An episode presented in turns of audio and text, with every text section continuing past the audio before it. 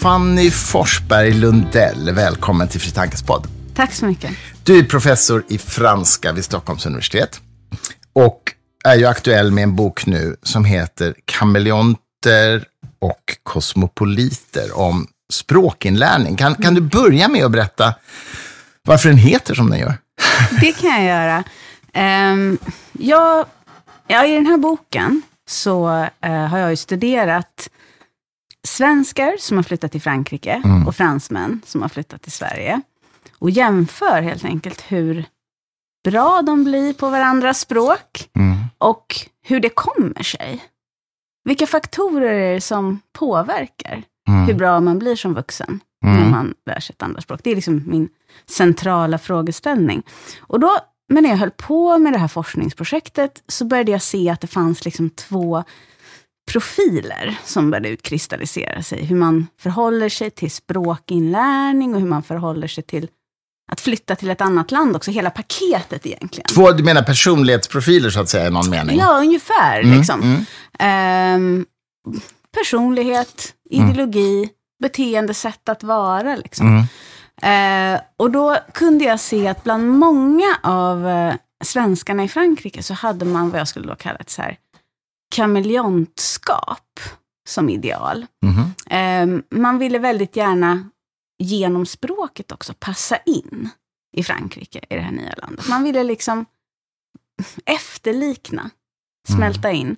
Medan jag märkte att bland en hel del av fransmännen i Sverige, och nu pratar vi också om Paris och Stockholm, det är de, okay. två, okay. de två ställena som jag jämför. Många av då fransmännen i Stockholm, de, de uppfattade sig nog inte alls så mycket som kameleonter, utan snarare då det som jag kallar för kosmopoliter.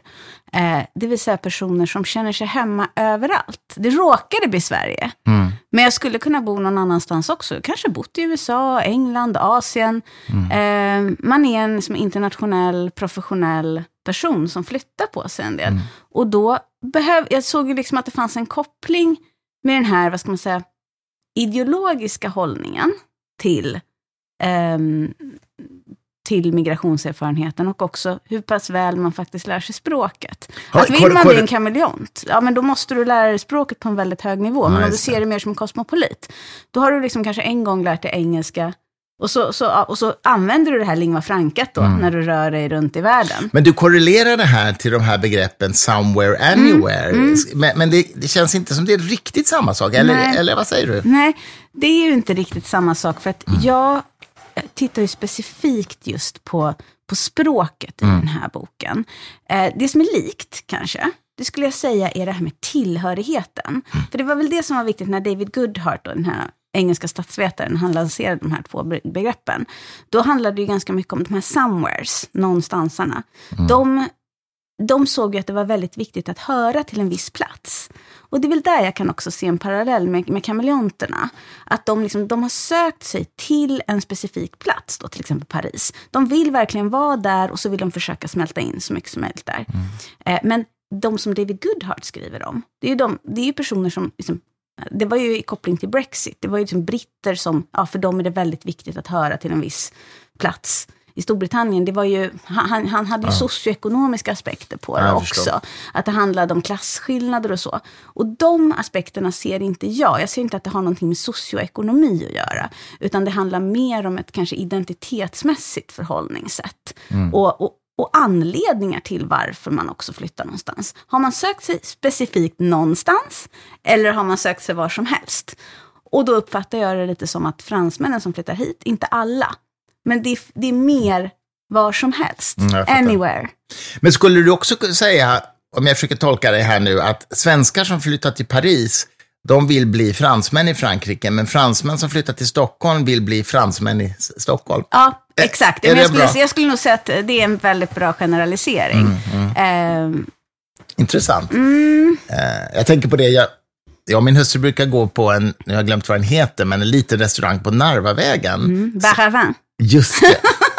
Det är mitt favoritställe. Jag vet, det är supermysigt. ja. Men det är ju typ bara fransmän där när man, ja. när man, när man liksom är där. Det som är väldigt roligt med Baravin, och nu får du, om du lyssnar på det här Filip, så får du ursäkta, men det är ju att man får ju hela paketet där, man får en hel upplevelse. Ja. Man får inte bara maten och vinen, man får också den här franska servicen. Ja. De pratar gärna på franska. De vet att det är typ Stockholms frankofiler som går dit. Så att de, och, de, och de bjuder på den upplevelsen. Ja, det är supermysigt. Men de har mm. inte så himla varierande matsedel. Nej, det, det heter bar avant. Ja, det är vinet som är centralt där. Ja, det är men det är sant att de håller, de håller sig med några rätter, men då har vi de här klassikerna, bœuf bourguignon och så. Men det som är intressant med det är ju att ändå, det är inte bara frankofiler som går dit, men, det, men att ändå, det finns verkligen ett sug efter den typ av upplevelse. Det finns i och för sig, jag tänker i, i Paris så finns det också lite så kring det nordiska. Mm. Mycket kring, ofta kring lax och så. Men mm. då är det mhm. mycket fjord, Norge, ah, ja, eh, lax. Och, ja, det, det, så det finns en sån längtan där också till det nordiska. Mm. Men oftast är det mer ja, allmän, alltså det är mer brett, inte just ett specifikt land. Nej, jag förstår. Men du, um jag gissar att det, det, måste vara väldigt annorlunda om man skulle titta på fransmän som flyttar till ja. Umeå.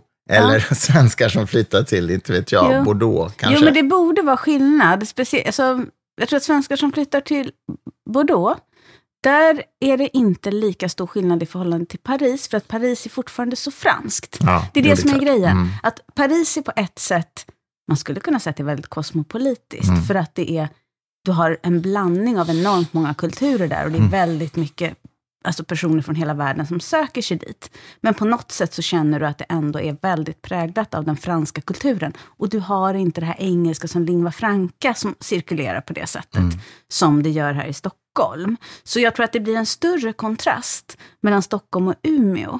För att det finns inte den internationella arbetsmarknaden i Umeå som finns här. Jag menar, Stockholm är ju en, alltså man brukar väl säga att det är så här innovationshuvudstad i Europa, ungefär som Silicon Valley. Mm. Techbranschen lockar till sig väldigt mycket internationell arbetskraft, som ju faktiskt kan leva här. Mm. Och tycker att de lever ett ganska bra liv utan att lära sig vårt språk. Och det är väl en, en av de sakerna jag vill belysa också. Jag tror att jobbar man själv i en sån bransch, så, tyck, så vet man att det är så. Man tycker inte att det är något konstigt. Men jag tror att är man inte i den typen av liksom internationella sammanhang i sin vardag, så kan man nog bli ganska förvånad mm. av att se att det finns ju den här parallella verkligheten i Stockholm. Där, där människor inte alls tycker att... Alltså jag, jag, tror att folk tenderar att tänka, det är väl klart att man måste kunna svenska för att bo i Sverige. Nja. Mm. Nej, eh, men det där är intressant. Vi ska återkomma till det, men jag mm. måste fråga några grejer innan vi pratar mer om bokens mm. själva innehåll. Mm. Det är mm. liksom, vad är din resa in i det här? Hur kom det sig att du blev så intresserad av franska? Mm. Jag tror att jag liksom väldigt tidigt upptäckte, som en del av personerna i boken, att jag tyckte det var väldigt roligt att lära mig språk. Mm. Precis som att vissa tycker det är väldigt kul att, att spela fotboll eller mm. hålla på med musik eller något okay. sånt. Att jag bara insåg att, liksom, att det här tycker jag är väldigt kul. Att lära mig nya uttryck och ljud. Eh, och så reste vi mycket i min familj när jag var liten också. Så jag fick ju, det blev en boost där också. Att mm. jag fick alltid möjlighet att träna på de språk som jag började lära mig att snappa upp. Vi reste mycket till exempel i Nordafrika när jag var liten. Eh, och då var det ju franskan som var lingva francat ja, där. Det, ja, och mina föräldrar kunde det lite grann och så där så snappade Hur man kom det sig att ni var i Nordafrika? Det var att min mamma, eh, hon jobbade med migrationsfrågor ja, under hela sin yrkeskarriär. Aha. Och då var det kontakt med ambassaderna där och så. Var då? Vad jobbade hon med det? Eh, hon gjorde det först på Invandrarverket, mm. som ju var det här, det var sen slutet på 60-talet mm. faktiskt. Så hon har ju också sett hela den här utvecklingen mm. av, eh, av migrationen i Sverige. Och sen så var det vad blev det, arbetsmarknadsdepartement, olika departement och mm. sen var det till slut utlänningsnämnden. Så att jag har ju, det, det här är lite intressant också, för det har liksom varit två intressen jag haft ganska mycket parallellt. Att språk, ut och resa, äventyr, upptäcka nya världar, kanske flytta utomlands. Mm. Jag bodde ju ett tag i Paris och jag var nog väldigt inställd på när jag var ung att jag kommer inte bo i Sverige. Jag kommer absolut inte bo i Sverige. Mm. Det var liksom, först var det USA jag hade tänkt mig. Eh, men sen blev det då Frankrike. Vad och gjorde det, din pappa? Eller han, han var jurist. Mm. Han lever inte längre. Men han, Ehm, men han tyckte också faktiskt väldigt mycket om att resa. Mm. Eh, så det var, vi reste både på grund av mammas jobb, men mycket tror jag också på grund av pappas Mm. nyfikenhet att komma till nya ställen. För det var ju alltid nya ställen, vi åkte ju ganska sällan tillbaks. Liksom. Det var inte som att vi hade ett ställe i Frankrike eller Nej, Spanien eller något Mm. sånt där, utan det var nya ställen. Eh, och det blev en livsstil, och det var någonting jag fick med mig. Och du hade lätt för att lära dig språk helt enkelt, får man det, säga. ha- jo, det får jag nog säga Ja. jag hade. Hade du, var det så att säga det teoretiska, grammatiska, eller var det själva att tala liksom utan brytning? Eller hade du lätt för både och? Jag tror att jag hade generellt sett ganska lätt, men det var nog framför allt, jag var ju mer intresserad av att tala och jag höll på mycket med musik också när jag, Jaha. jag växte upp. Vad så gjorde du att, eh, sjöng och spelade piano, men framför allt sång. Så att det hänger ju såklart ihop med språk. Och jag inser att språk för mig, det blev nog istället för musik. Att jag, under liksom tonåren så var det väldigt mycket att jag vacklade kring, vill jag satsa mer på musik? Eller vad ska jag göra med mitt liv? Och sen när jag insåg som många andra att det kommer aldrig bli någonting med musiken precis. på det sättet som jag hoppades på. Då började jag ge mig hän i språken mer. Jag förstår. Men får jag bara fråga, sjöng du i band eller? Nej, det, eller ja, jag har gjort kanske, kanske skarvat lite med det, men framförallt så var det solosång och kör. Okej, vilken typ av solosång då? då? Ja, det var, gud, vad var det? Var ju ganska mycket musikal och jazz och klassiskt blandat. Ja, det som min sångpedagog serverade mig, kan man säga. Okej, vad roligt. Ja. Ja, så, men det var, ju, det var ju en passion. Och båda de här, både musiken, musiken och resorna och språken, liksom, det har ju varit passioner. Och jag tror att det här med att flytta till ett annat land, eller i alla fall vistas under en längre tid i ett annat land, det är en väldigt sinnlig upplevelse för mig. Att liksom både suga i mig en ny kultur, nya dofter, eh, nya ljud eh, och känna att man kommer in i en helt annan värld och börjar förstå den mer och mer. Jag var i Chile också, till exempel under flera längre perioder och lärde mig spanska eh, efter jag hade bott i Frankrike. Och det var också något som jag bara kände att själva den här grejen, att vara någon annanstans och börja försöka komma underfund med den. Och språket är en, såklart. Det, det, är liksom, det är ju den som gör att du kan komma i kontakt med Ja, människor. Och jag tror nog att jag alltid har tyckt att det är så kul. Jag är väldigt pratsam av mig generellt sett, även om jag faktiskt också är ganska ganska mycket av en enstöring på ett sätt. Men jag, jag, alltså jag tycker väldigt mycket om att prata. Och det tror jag också har varit en anledning till att jag tycker det är kul att lära mig språk. Ja, jag För att jag vill kunna konversera. Jag vill kunna, jag vill kunna snacka och liksom komma i samspråk med folk. Men du, kan, en, kan fransmän höra någon brytning när du pratar franska? Tror ja, det kan de. För nu, alltså jag är ju inte alls som de här personerna i, i min bok som Mm. har bott jättelänge i Frankrike. Alltså de har ju bott i snitt, ja vad är det, liksom 18 år, 15-18 år där. Liksom.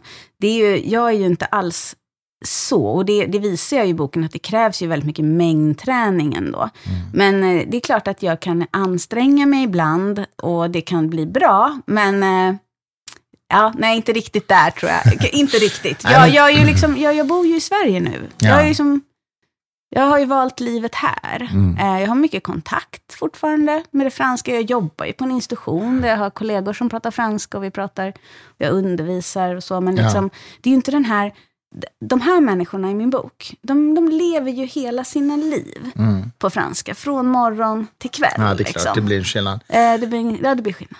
Men, men eh, talar du spanska så att säga, li, lika flytande som franska? Inte lika, men det, är- det, är- det är som, jag, jag pratar spanska också. Ja, ja, eh, och det var intressant när jag var i Chile.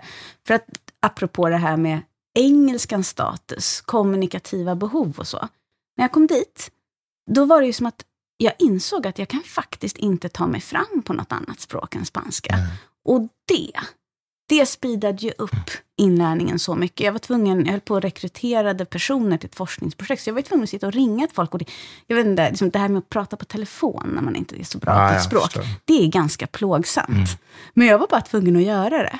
Eh, och samtidigt så var de ju bara så glada att liksom, det kom en utlänning dit som försökte prata spanska. Och, ja, det var ett väldigt varmt klimat att, att lära sig språk i. Medan Frankrike, nu, så nu pratar jag bara om mina egna erfarenheter här, så det är verkligen det, är det vi pratar Mm, om. Men liksom, I Frankrike upplevde jag att det var ett ganska uppläxande klimat. Mhm. Liksom.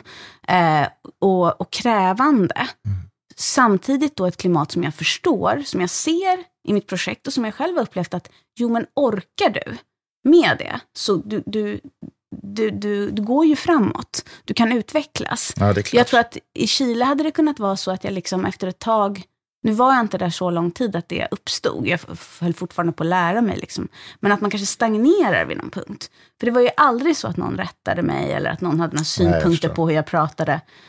Och det är där jag tror också att vi skiljer oss så mycket åt, liksom, mellan Frankrike och Sverige. Jag tror att Sverige, Kravställandet. säga. Ja, och, det, och då pratar jag liksom inte om de här politiska reformerna som vi kanske kommer att prata om sen, med Mm. Ja, språkkrav och sånt. Utan det, är, det handlar mer om mentalitet. Mm. Och att liksom det finns, eh, för att fransmän är vana från sin egen skolgång, att det finns höga krav och höga krav på hur man uttrycker sig i skrift, alltså det franska språket och att kunna liksom använda grammatiken rätt och att eh, litteraturen och allt det, det har en sån otroligt hög status.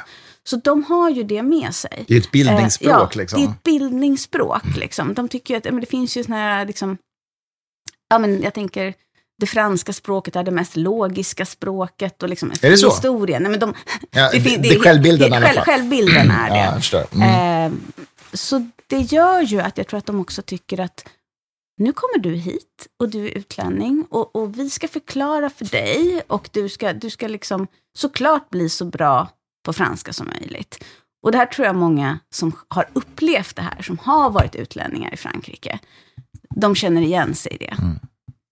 Men jag tycker det är så fascinerande med eh, språkhjärnor. Jag har en god vän i USA, professor i kognitionsvetenskap, Douglas Hofstadter, som har en sån här språk, alltså savanthjärna, du vet. Ja. Han lär sig språk Ja. på ett sinnessjukt Ja. snabbt. Ja, Eh, och eh, du vet, han talar, han talar eh, franska, tyska, italienska, kinesiska, och ryska och svenska flytande. Eh, och bara för att ta svenska, som jag då råkar veta hur han har lärt sig, det gjorde han för 55 år sedan när han var i Sverige i sex månader. Och talar alltså fortfarande, om vi pratar på telefon, då, då talar han svenska som en, man hör en amerikansk brytning, men det är som någon som har bott här i 20 år kanske. ja jag förstår. Helt Ja. bisarrt Ja. alltså. Honom hade jag ju gärna studerat. Ja, jag kan-. Nej, men jag förstår det. Och det finns ju de här exceptionella Ja. individerna, Ja, men det är ju en savanthjärna. Liksom. han, har ju, han, han, har ju det, han har ju det. Och, och det är så här, det är, brytningen är ganska tydlig, Mm. men hans grammatik är liksom minst lik, bättre än min, skulle jag säga. Han kan liksom det teoretiska ex, exakt. Så det är en matematisk hjärna också. Han är ju matematiker också. Hans pappa var nobelpristagare i fysik och sådär. Ja, nej, men jag förstår. Så det är liksom språk och, och det liksom exakta vetenskapen i någon slags kombination. Mm. Jag tänker ganska ofta att eh, grammatik och matematik måste Ja, hänga ihop. eller att det hur? är en Rimligen. liknande färdigheter, liksom liknande kognitiv Ja, konfiguration, eller vad man ska exakt. säga. Och sen kan man ju Alltså man har ju pratat mycket om det här med språk och musikalitet också. Ja. Det finns inte så mycket stöd för det i forskningen, men däremot så är det ju det här med fonetiskt minne. Det är väldigt viktigt att kunna liksom komma ihåg ljudsekvenser. Och det är ju rimligtvis så att de som är musikaliska, sysslar med musik, de har också det. Så det finns ju överlappningar. Men det är, med matematiken och grammatiken, det, det tror jag verkligen. Logik är det ju, Ja. som helt enkelt. Ehm, Ja, precis. och sen kan man ju lära sig det på olika sätt. Mm. Du kan ju lära dig det liksom formellt i klassrummet, rent explicit, att du lär dig regler, eller det behöver inte vara ett klassrum, det kan vara att du sitter själv. De här eh, polyglotterna sitter ju, de, det är självstudier. Liksom.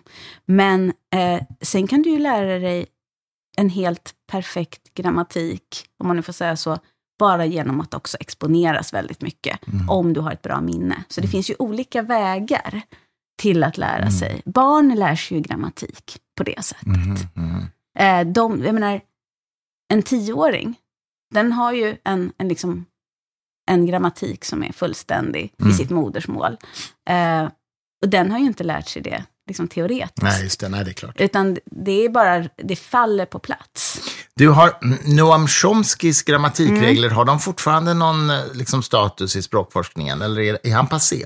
Eh, jag ska säga att det finns de. Det finns fortfarande en falang som arbetar med hans universella grammatik. Alltså tanken om att vi har en medfödd språkförmåga och att det är faktiskt något som han kallar för language acquisition device, som en liten svart låda i hjärnan som, som, som, som triggas igång när man blir exponerad för språk. Men att vi sen då liksom väldigt snabbt börjar kategorisera in inflödet, som det kallas, det språkliga inflödet i olika grammatiska kategorier som adjektiv och substantiv och så. Eh, men jag ska säga att det, inte, det var ju när jag började doktorera, då tyckte jag att det var ganska mainstream. Mm. Eh, den första konferensen jag var på, kommer jag ihåg, 2003, då var det väldigt mycket generativism. Eh, men det har ju gått tillbaka mycket, för jag tror att man har liksom insett att det här med det språkliga inflödet och miljön man vistas i, att det trots allt är mycket viktigare. Och sen är det ju det att Chomsky, han hade ju bara fokus på grammatiken mm. i princip. Och språk är ju så mycket mer. Mm. Och det mm. kommer jag ihåg att jag vände mig ganska mycket mot mm, när jag kom i kontakt med Chomsky. För att jag var intresserad mer av uttryck, ordförråd, pragmatik, hur vi använder språket, vad vi kan göra med språket. Och där hade Chomsky ingenting att ge mig. Så att jag blev liksom aldrig intresserad på det sättet av Chomskys eh, teorier. För att det var de, de, de delarna i språket som jag tyckte var också viktiga just i det sociala samspelet. Apropå mm. att jag är intresserad av samtalet, interaktionen. Det, där, ja, där fanns det inte så mycket att hämta i Chomskys mm. universella grammatik. Ja, jag förstår. Intressant. Mm. Du, du, så du, liksom, han var för mycket logiker, kan man ja. säga, i sin syn på språket, ja. för, för din och smak. Att, precis, för att det handlade ju om att han koncentrerade sig på att förklara hur vi lär oss grammatik.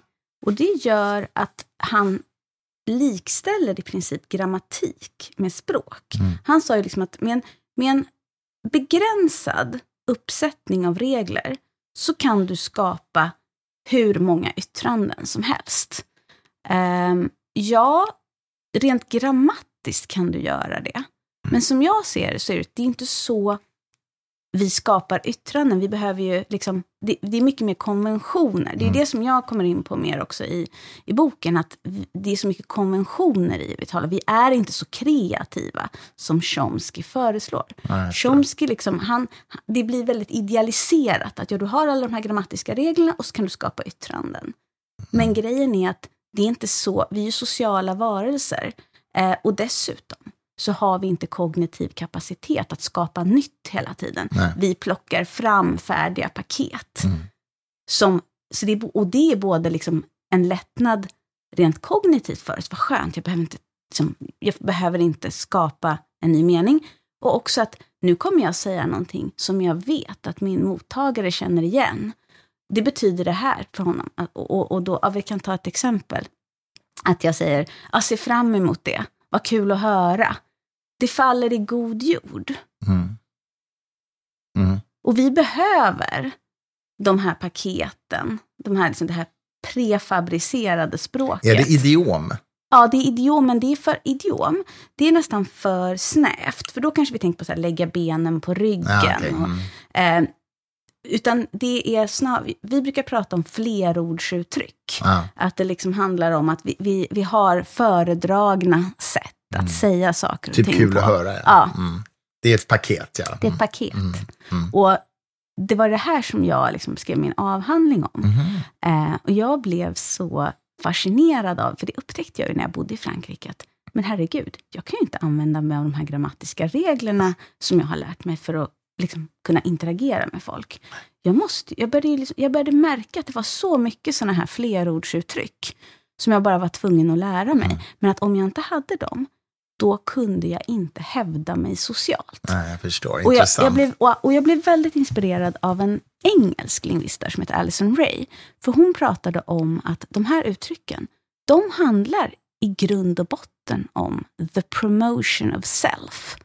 Att faktiskt kunna hävda sig. Mm -hmm. eh, och att har du inte dem, tillgång till dem, då kommer du inte kunna sticka in de där som förväntas, du kommer inte kunna ta ordet, eh, du kommer kanske inte kunna uttrycka det på ett sätt som direkt förstås av din samtalspartner. Om du börjar skapa någonting liksom fritt och utifrån, det låter ju kul kanske om man är poet, eller liksom man tänker, mm. jag tror att det är så många som vill att det ska vara så. Som vill att vi ska vara så kreativa i vår språkanvändning. Det, låter så, det blir så stereotypt annars.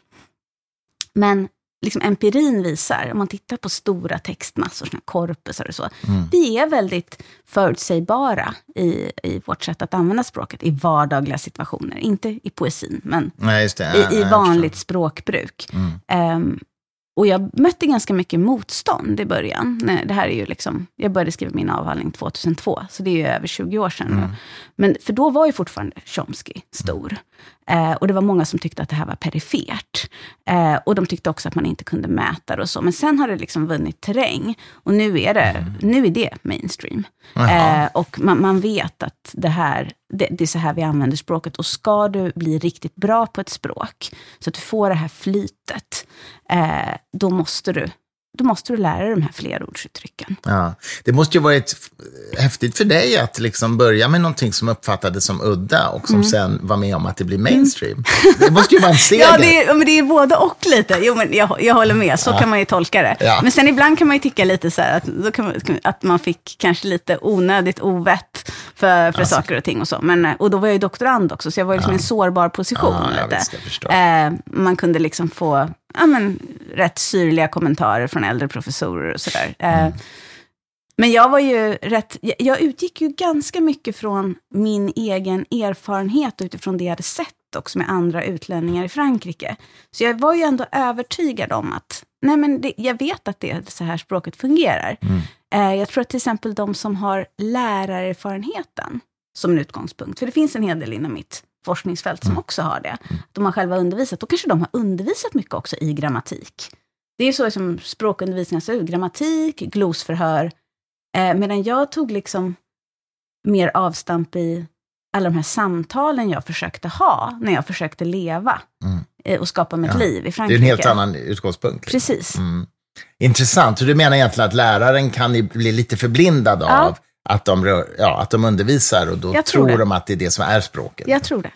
Det är, det är jätteintressant mm, mm faktiskt. Mm, Men det, när du, sådana här fler, vad heter det, flerordsuttryck ja, som du kallar det. Eh, man brukar ju säga det här, eh, use is meaning, att språket, för, eller missuppfattar jag men att språket förändras, Exakt. användningen av begrepp förändras. Exakt. Det är väl det man kallar för use is meaning? Exakt, nej men det, det är precis det. Eh, mm. Och det, jag beskriver ett ramverk i boken som jag själv också liksom rör mig inom och det är det här usage-based theories. Berätta, och där, vad är det? Vad är det? Och, där handlar det just om att själva språkanvändningen förändrar språket mm. hela tiden. Så att mm. vi liksom, det är emergens, att både mening och strukturer uppstår. Som emergenta fenomen? Ja, mm, mm. i själva användningen. Gud vad så intressant. Vi, ja, så vi, mm. och vi samskapar. Men då, är det ju, ja, precis, men då är det också väldigt mycket kulturella produkter, så att precis. säga. Socialt kulturellt Absolut. konstruerade. Absolut. Men menings... sen har vi, exakt så.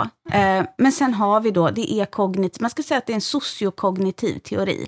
För det är samtidigt beror det på att vi har en förmåga, vi har minne, vår, vi fungerar, inom det här synsättet så är det som att vi är som statistiker någonstans. Så vi uppfattar hela tiden frekvensförhållanden, vi uppfattar om någonting sticker ut, eh, vi uppfattar om, om många verkar ge samma mening till någonting. Och så på det sättet så skapar vi liksom en slags sannolikhetslära för språket.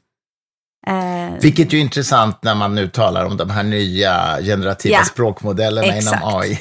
Som Exakt. ger statistiska Exakt. prediktionsmodeller. Nej, det, det, är väldigt likt. Jag skulle säga att det är samma, samma logik. Ja, det är det. Va? Ja, ja. men jag, tycker så, alltså jag kan ju ingenting om språk, höll jag på att säga. Jag kan inget annat än engelska heller. Men, mm. men jag har ju förstått, ta till exempel ett svenskt ord som patetisk. Ja. Om jag har förstått det rätt, rätta mig om jag har fel, så på 50-talet betyder det känslosam, men mm. idag betyder det löjlig. Liksom. Exakt. Det är en slags förskjutning i, i jag kan tänka mig att man möjligen menade då att det var lite oförnuftigt även på 50-talet, mm. men att det har en mycket mer negativ mm. innebörd nu än, än då. Mm. mm. Stämmer det mm. med din bild? Jo, Bara det, stäm, det, det, stämmer absolut. Mm. Och det där är, och det är, det intressant är fascinerande. med förskjutningen. Ja, och liksom. så är det ofta med låneord också. Jag tänker på låneord som kommer från franskan till exempel, men som används idag i svenskan. Nu har jag inget bra exempel sådär. Men jag har noterat precis samma sak, att det kanske betydde någonting från början i franskan. Och sen har det liksom, ja, det har skett en betydelseförskjutning förskjutning. Mm. Och, så an, och, så använder man det på ett annat sätt. Mm. Så, Men du, eh, mm. i din bok så, så,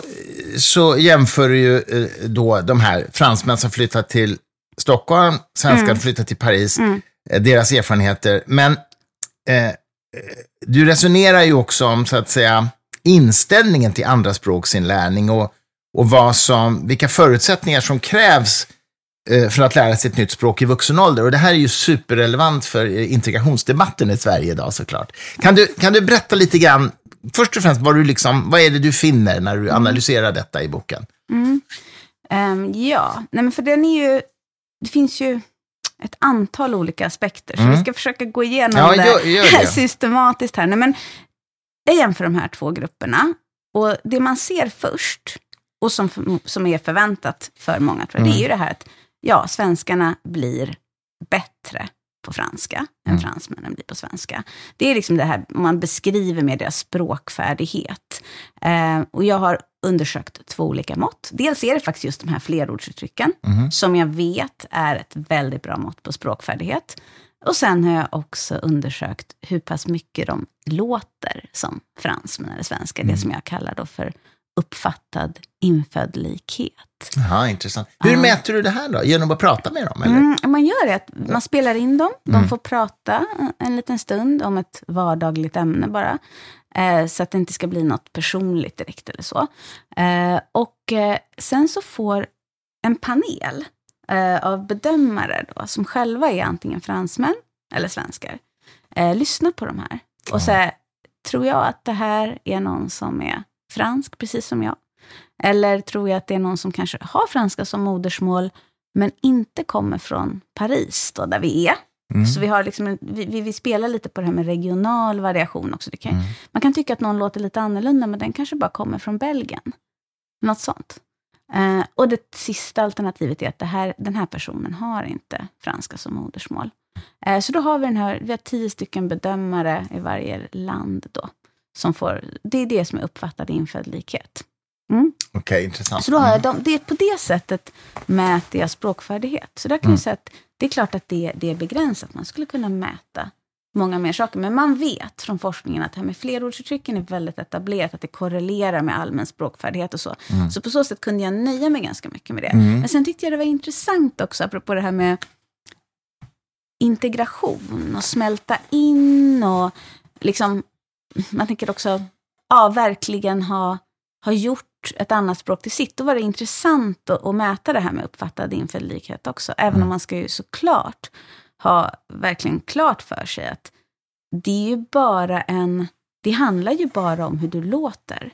Många av svenskarna i Frankrike som inte uppfattas som infödda, de har ju liksom en väldigt avancerad nivå Ja, ja, på sin nej, franska. Ja, Liksom. förstår. Mm. Eh, jättebra ordförråd, jättebra grammatik. Det är bara det att de har inte tillägnat sig det där i detalj. Nej. Och det har förmodligen att göra med eh, en viss språkbegåvning. Liksom, Mm. Att man är olika bra på det. Och det är ju, så, så, så ser det ut rent språkfärdighetsmässigt. Att det är många fler svenskar i Frankrike som når en dels högre, mer allmän språkfärdighet, men också som, som låter då som fransmän. Och det är faktiskt en tredjedel av svenskarna i Frankrike. Mhm. Eh, och vi har ju drygt 60 personer då i varje land som vi har undersökt. Eh, och det är en tredjedel, det är ganska mycket. Slumpmässigt valda, eller? Eh, de är inte slumpmässigt valda, för det går inte, för det finns inga så register liksom, på fransmän i Stockholm eller, eller svenskar i Frankrike, utan jag har använt något som kallas för snöbollsmetoden. Och det är liksom att jag har satt upp annonser här och var, och sen- på bara typ Svenska kyrkan i Paris och Facebookgrupper. Och sen så har personer sagt att, "Ja, men du, jag vet någon som har ett forskningsprojekt, kan du vara med också? Så eh, det är ju inte ett slumpmässigt urval, och det är förstås en svaghet i studien. Det hade varit mycket bättre om det hade varit Nej, det. Mm. Eh, men så det är personer också, det får man ju räkna med, det är personer som har velat vara med i projektet. Mm. Så det kan ju vara så att personer som inte tycker så mycket om att få sin språkfärdighet liksom studerad, de är inte med. Nej, just det. Och, Och det, kan hade, och det hade varit intressant. Mm. Men det finns ju lite sådana personer också. Det finns som, som kanske själva pratar om att Nej, men jag har verkligen inte kunnat lägga ner den tiden jag önskar. Och jag känner att jag inte har blivit så bra. Jag är lite besviken på mig själv. Och, ja, det finns många sådana berättelser också. Men det är klart att det blir lite skevt. Så det ska man ha klart för sig. Att det här är ju eh, ett speciellt urval ändå. Som inte är slumpmässigt. Men hur som helst, det är språkfärdigheten. Mm. Och sen har jag ju då försökt se, ja, men hur kommer det sig att de uppnår olika språkfärdighet? Både liksom inom sin grupp, alltså svenskar i Frankrike eller fransmän i Stockholm, men också eh, om man jämför dem med varandra. Och om man tittar inom gruppen så är det ju så att um, svenskarna i Frankrike, deras, att, att, de, som, de som lyckas då låta, låta franska, det som de karaktäriseras av, det är att de har en viss typ av språkbegåvning och det är det här fonetiskt minne, som jag var inne på. Mm. De har en lång vistelsetid i landet, så det är det här med exponeringen och användningen. Och, ehm, och sen så kom vi också fram till, faktiskt, och det var oväntat, att de hade en mer introvert personlighet än de som inte. Intressant. Ja, och det var oväntat för oss. För att när det gäller flyt, till exempel, att kunna bli flytande på ett språk, um, alltså tala hastigt, tala lika hastigt som modersmålstalare, så har man sett att extroversion är en fördel. Mm. Uh, och vi hade nog tänkt oss att det antingen skulle kunna vara det, eller och också en annan faktor i den, modell, den personlighetsmodell vi använder oss av, som heter öppensinnlighet. För det har också visat sig att det, det är viktigt för att kunna ta till sig ett nytt språk. Men vi fick inga effekter på de dimensionerna, utan det var det här med att eh, ha en mindre grad av extraversion. Att, att gå mer mot det introverta hållet. Vi hade inga superintroverta profiler. Men då försökte vi liksom komma underfund För de vill inte med. vara med i tester. Förmodligen inte, vi nådde inte dem. De, vi lyckades inte nå nej, dem överhuvudtaget. Nej, rimligen, nej. Eh, utan mm. det var kanske sådana som låg lite mitt emellan, som var åt det mer introverta hållet mm. ändå. Eh, och då började vi tänka, jaha, men hur kan vi förklara det här? Vad finns det för teoretisk grund? Eh, och, och, då är det ju lite så att vi började se att ja, men introverta personer, de, har ju, de tar mindre socialt initiativ, är mindre dominerande, mindre handlingsorienterade. Mm. Eh, de kanske också har lite mer intellektuella intressen. Så här, typ att, jag tänker att man lyssnar på musik, man tittar på film, man läser. Mm. Och det, då får du ju till den här exponeringen eh, som behövs, som vi har liksom visat att det är viktigt.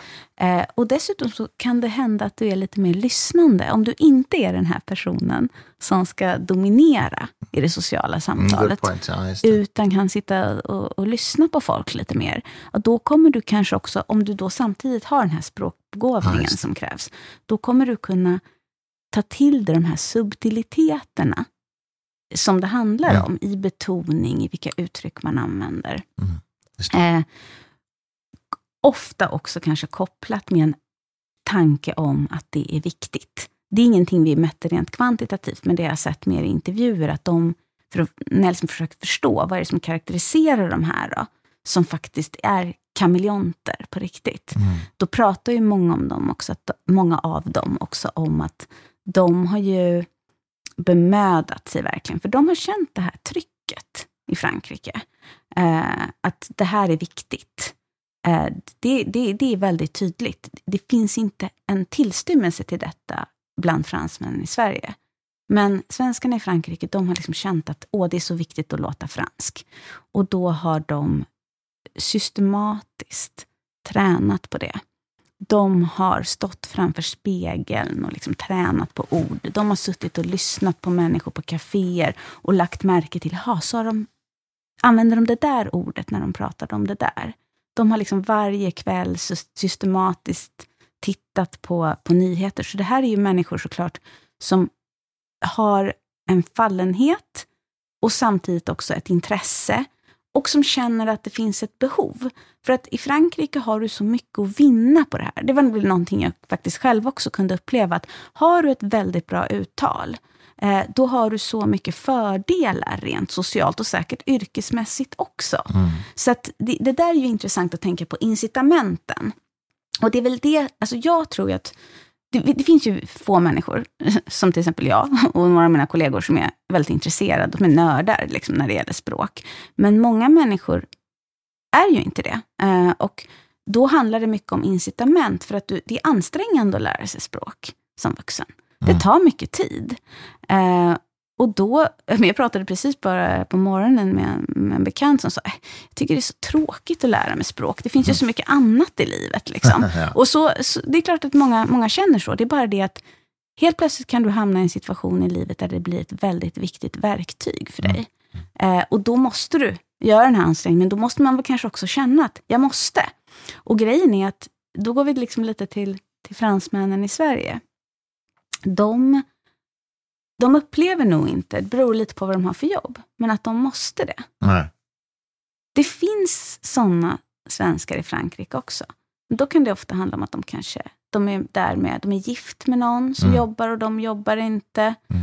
Eh, eller att de har en, ett internationellt, de är på en internationell arbetsplats. Men det är ganska ovanligt i Frankrike, de här som, som har den situationen. Medan då bland fransmännen i Sverige, och det här är ju inte bara egentligen fransmän. Nu, liksom, jag tänker att det är så för många högutbildade, som är lite så expats, eller i alla fall arbetskraftsinvandrare då, som kommer hit. De upplever kanske inte att det är ett så stort behov. Och är man då inte intresserad i grunden, Mm. ja, och det är väl, lite, det är väl en av de sakerna jag vill förmedla, att vi ska inte tro att liksom alla som kommer hit vill lära sig svenska. Nej. Ja, men det är så intressant, alltså min erfarenhet är, jag, jag, jag hjälpte ett bangladeshiskt flyktingpar för några år sedan när de Ja. kom till Sverige och har fortfarande mycket kontakt med dem. Eh, hon eh, är, eh, ja de fick i alla fall jobb efter ett tag Ja. och han har en väldigt tydlig, vad ska vi säga, intellektuell akademisk profil och han började jobba som researcher på Utrikespolitiska institutet. Mm. Och hon började jobba på ett äldreboende. Och hon var ju den som lärde sig svenska direkt. Ja. Medans, eh, och hon har, hon har ändå inte liksom någon akademisk utbildning och sådär.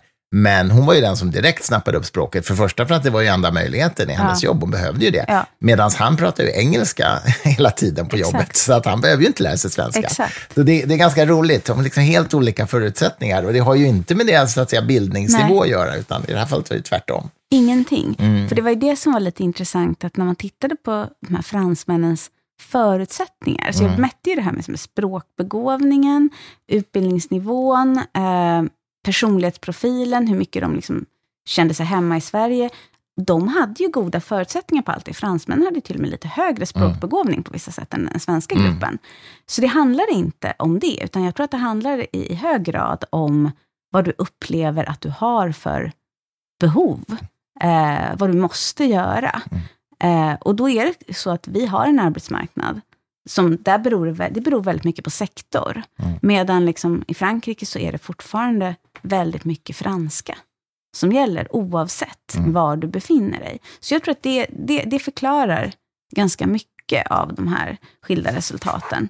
Och sen är det såklart så att har du, alltså de här, de här svenskarna som söker sig till Frankrike, precis som andra människor också har sökt sig till Frankrike, de är ju lite speciella i det att de tycker ju att det är så- en sån fantastisk plats, en sån fantastisk kultur. Och har du den liksom, inställningen, då är det klart att det ger bättre förutsättningar. Mot, mot, motivationen finns ju där redan innan. Du Liksom. menar att svenskar tycker det när de kommer Ja. till Paris? Ja, just det. Jo, det de har klart. ju valt det. Liksom. fransmännen tycker De inte det om. Sverige De direkt. tycker ju inte det på samma sätt. Det finns sådana som tycker Ja. det.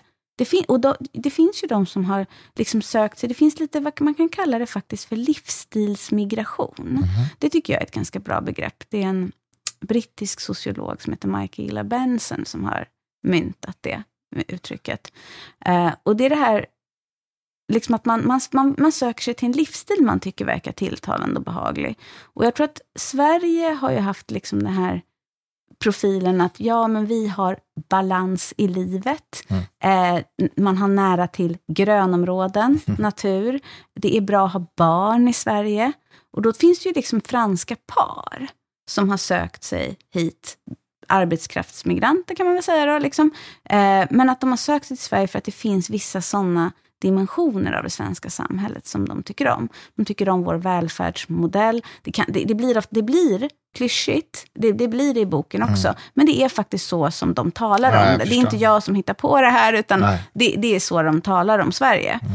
Precis som att svenskarna talar om Frankrike som liksom ett kulturellt högtstående land och det finns ett intressant intellektuellt klimat, det är högt i tak, människor vågar vara oense.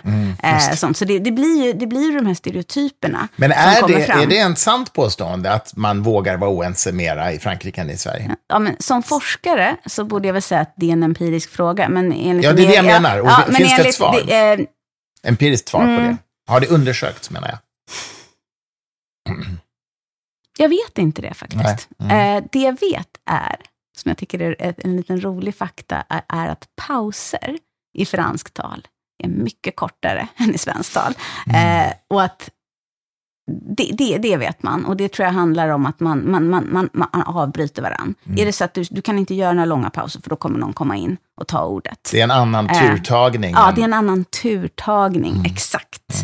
Ehm, än i Sverige. Mm. Ja. Jag läste någonstans att det till och med pauserna skiljer till och med mellan danska och svenska lite grann. Inte så mycket, men mm, lite. jag så skulle inte bli förvånad. Nej. Eh, där det är lite kortare i, Dan- i, Mm. Danmark, i Danmark. Men ja, det där är intressant. Det talar alltså för att det är lite mer intensiv dialog då i Frankrike. Kan man säga så? Mm. Det, det, det skulle jag absolut säga. Och det vet ju alla som tittar på liksom franska nyhetsprogram eller såna här talkshows Mm. Debatter och sånt. och sånt. Debatter. Ja, Eh, att man avbryter varann. Det är någonting jag personligen uppskattar. Eh, för att det tycker jag tyder på engagemang. Att man Jag blir håller med. intresserad av vad den andra säger. Och, ma- och man, liksom, ja, men man vill tillföra något och man reagerar. Mm. Ehm, Nej, men det, jag tror att det är en eh, skillnad också i bekvämlighet vid oense. Alltså att man är mindre bekväm vid oenighet i Sverige. Det, det, det är i alla fall min personliga Mm. jo, ja, men upplevelse. det, det är precis samma så här, sak vid här. middagsomtal och sådär. Så. Absolut. Och det är det som de här svenskarna då säger att de, de uppskattar så mycket. Mm. Men det är klart att det kräver ju en verbal förmåga också. Mm. För att kunna delta i det Ja, det är där. Och då blir det också en, ett incitament. Och det är det som jag liksom tycker är intressant att reflektera över efter att ha gjort det här projektet. Att vi skapar ju inte riktigt så bra incitament Nej. för personer att lära sig svenska, om vi nu tycker att det är önskvärt. Det måste vi också det kan vi ju ifrågasätta. Jag menar, det kanske är så att det kommer att bli mer engelska. Eh, men, om man tittar på liksom en offentlig debatt, så är, pratas det ju väldigt mycket från politikernas håll, så att det är så viktigt att alla ska lära sig svenska. De, det är ju liksom uppsatt som ett mål ändå, och mer och mer skulle jag säga. Men då, då vill jag väl liksom bredda det hela lite och eh, visa att så som förutsättningarna ser ut idag i Sverige, även för personer som kommer som har goda förutsättningar på många sätt, som har hög utbildning, som tillhör en grupp som jag tror många är positiva till, man tycker det är trevligt med fransmän, Mm. eh, så, kanske, så är det väldigt stor variation i hur, hur bra de blir på svenska av För att olika vi är skäl. dåliga på att ställa några krav, tror du? Jag tror att det är att vi är... eh, Vi är... Det finns en slags undfallenhet. Det låter lite negativt laddat, så jag vet inte, jag måste hitta några bra ord, men jag tror att det handlar om att vi kanske inte är så intresserade av att förmedla det svenska Mm. och svenska språket. Vi, jag kan lika gärna prata engelska. Det går bra. Jag tror att många Ehm. svenskar tycker det också det är kul att öva sin engelska möjligen. Mm. Ja, jag tror att de tycker det är kul. Jag fick i och för sig en intressant synpunkt av en kollega där som sa att man säger att svenskar tycker att det är kul. Men det kanske handlar om att svenskar har låg tolerans för det obekväma. Nu kommer vi in på det igen. Mm. Att man, man vill inte sätta någon i en sån här jobbig situation, utan man känner att det är lättare att gå över till engelska. Mm. Det blir mycket smidigare då. Det går fortare. Jag tror att vi är ganska rationella kanske Mm, på det ja, sättet också. Mm. Eh, att eh, det, det, blir en, det, det blir praktiskt. Och sen har vi liksom inget, vi har inte det här idealet, som kanske då, den här tanken som fransmännen har, att åh, nu ska, nu ska jag överföra det här kulturarvet till den här personen som har lyckan att ha liksom anträtt fransk mark. Ja. Eh, och som ska kanske få bli fransk medborgare snart, om hon har tur. och sådär. Så jag tror att vi har liksom inte, vi har inte heller så mycket drivkrafter. Samtidigt så tror jag det är väldigt dubbelt, för jag tror att människor tänker ändå att men det är väl klart att folk som ska bo här ska kunna svenska, men vi agerar inte riktigt utifrån det. Eh, och sen så är det såklart så att vi är ett mycket mindre land. Eh, vi är inte något för detta imperium.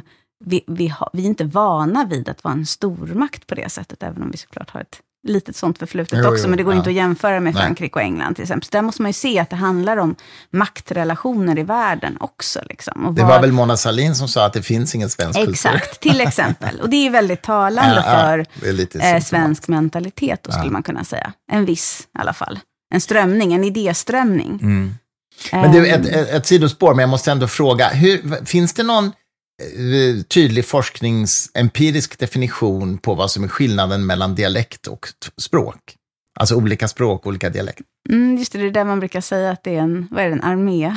Ja, just det. det ja. Men den, Ett ja. språk är en dialekt med en armé. Jag hörde, för, för innan Ja. du svarar ska jag säga, jag hörde en annan, naturligtvis också på skoj, men eh, faktiskt Richard Dawkins, du vet, berättade det här för mig. Han sa så här, skillnaden mellan en dialekt och en språk, det Mm. är att om du börjar prata med någon i en bar, Mm, och, prat, och pratar som den personen. Mm. Så om han blir glad och smickrad, då är det språk. Om du får en smäll på käften så är det dialekt. För att då försöker man härma honom. Så Ja, just det. det är ganska roligt. Den är bra. Den är rätt kul. Det där är ju jobbigt med dialekter om man börjar härma. Om man också bara faller in i, börjar så här, bara, ja. det, det kan bli förolämpande. Exakt, Nej, men du, exakt. jag har faktiskt ingen empirisk Nej, definition okej. på det. Eh, det.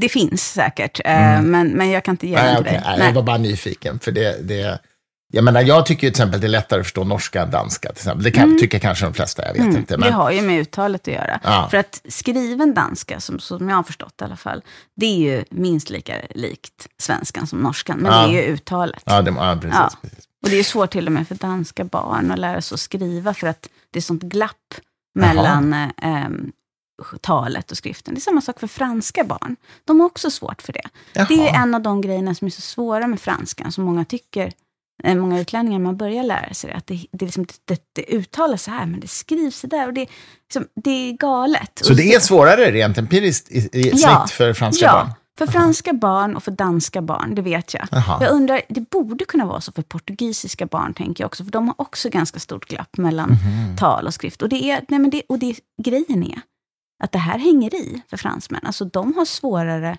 att stava längre upp i åren också. Mm. Eh, de gör oftare stavfel Mhm. för att det finns en hel del eh, ljud som skrivs på olika sätt. Och så här. så det, du, och det, Intressant. men det är det också som gör att det blir det här äh, instrumentet att liksom mäta folks värde på nästan lite också. Om du har lyckats bemästra de här reglerna som faktiskt är svåra, även för dem själva, Mhm. då, liksom, då, då tillmäts det ett värde, för att det är en, det är en reell svårighet. Mm, jag förstår. Liksom. Mm, jag förstår.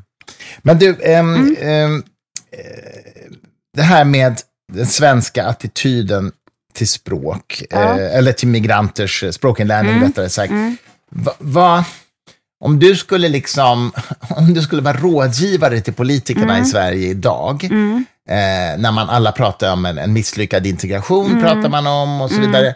Vad skulle du liksom göra för förändringar i eh, systemen idag? Om vi liksom bör avrunda med det här. Mm. Ja, ja. Eh, men du får gärna liksom resonera kring det ordentligt, för det vore jätteintressant att höra. Precis, och så det, är det, det är ju så här att i boken då, så jag levererar ju inte de här Nej, lösningarna. men nu har du chansen folk, i podden. det, är, det är det som alla sitter och väntar Ja, på lite, att exakt. okej, men now what? Ja. Vad ska vi göra? Ja. Det är lite som att, på något sätt kanske den här boken beskriver kanske delvis vad som har gått fel, genom att beskriva vad som också kan gå bra Mm. när vi tittar på vissa exempel liksom, med de här svenskarna i Frankrike, så ser vi också vad som saknas. Så på något sätt är det här en bok som kommer ett antal år för sent, när saker och ting har redan hänt. Mm. Men vi måste ju såklart tänka att det finns en möjlighet att förändra saker Mm. och ting. Men det som jag framför allt ser som ett, det största problemet, då kommer vi tillbaka till det här med exponeringen igen. Om man tittar på det som funkar då, de här fransmän, svenskarna i, i Frankrike som blir så bra på franska, Mm. ja men de har ju varit liksom från morgon till kväll, jag säger, i en franskspråkig miljö. Det betyder inte att de inte använder andra språk, att de ibland pratar engelska eller svenska, eller om de kan ytterligare Mm. något. Det är ju inte, det är inte något problem att, att vara flerspråkig. Det kan man ibland höra Mm. i, i svensk debatt, och liksom, speciellt från vissa håll.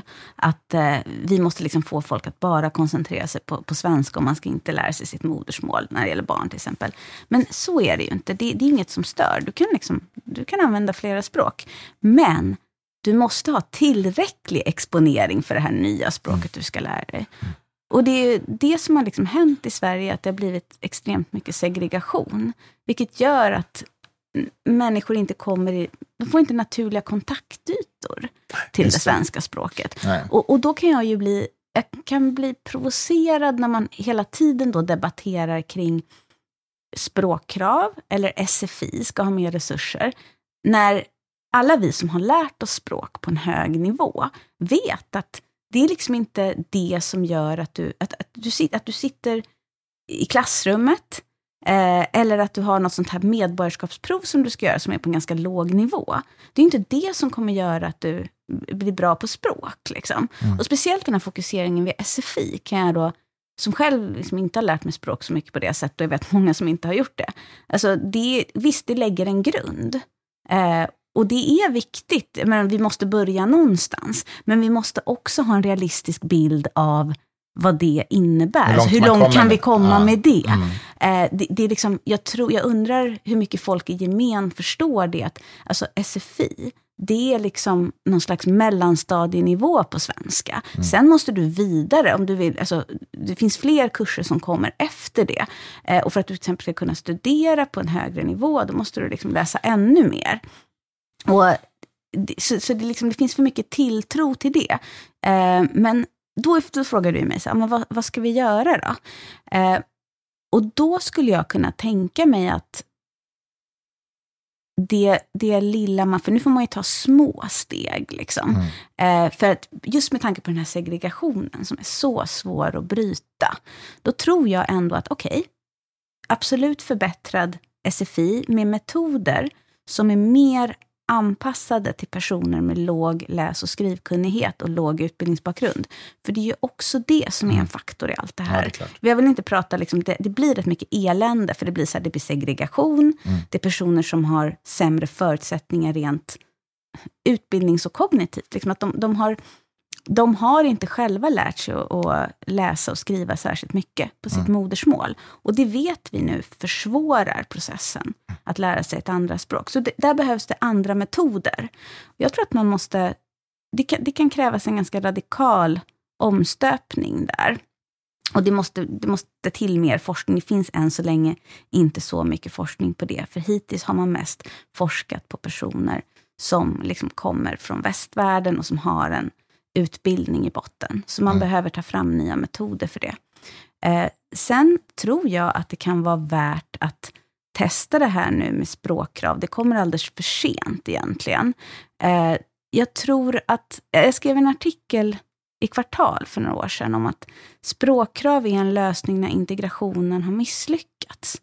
Och det är varför jag tänker att det är egentligen inte någonting, det är inte så man lär sig språk. Det är inte det är inte det det handlar om. Men det blir ett sätt att försöka få någon slags kontroll över situationen. Att ja, men okej, om vi ändå har vissa krav, både för uppehållstillstånd och som man i och för sig kan ifrågasätta mer än medborgarskap.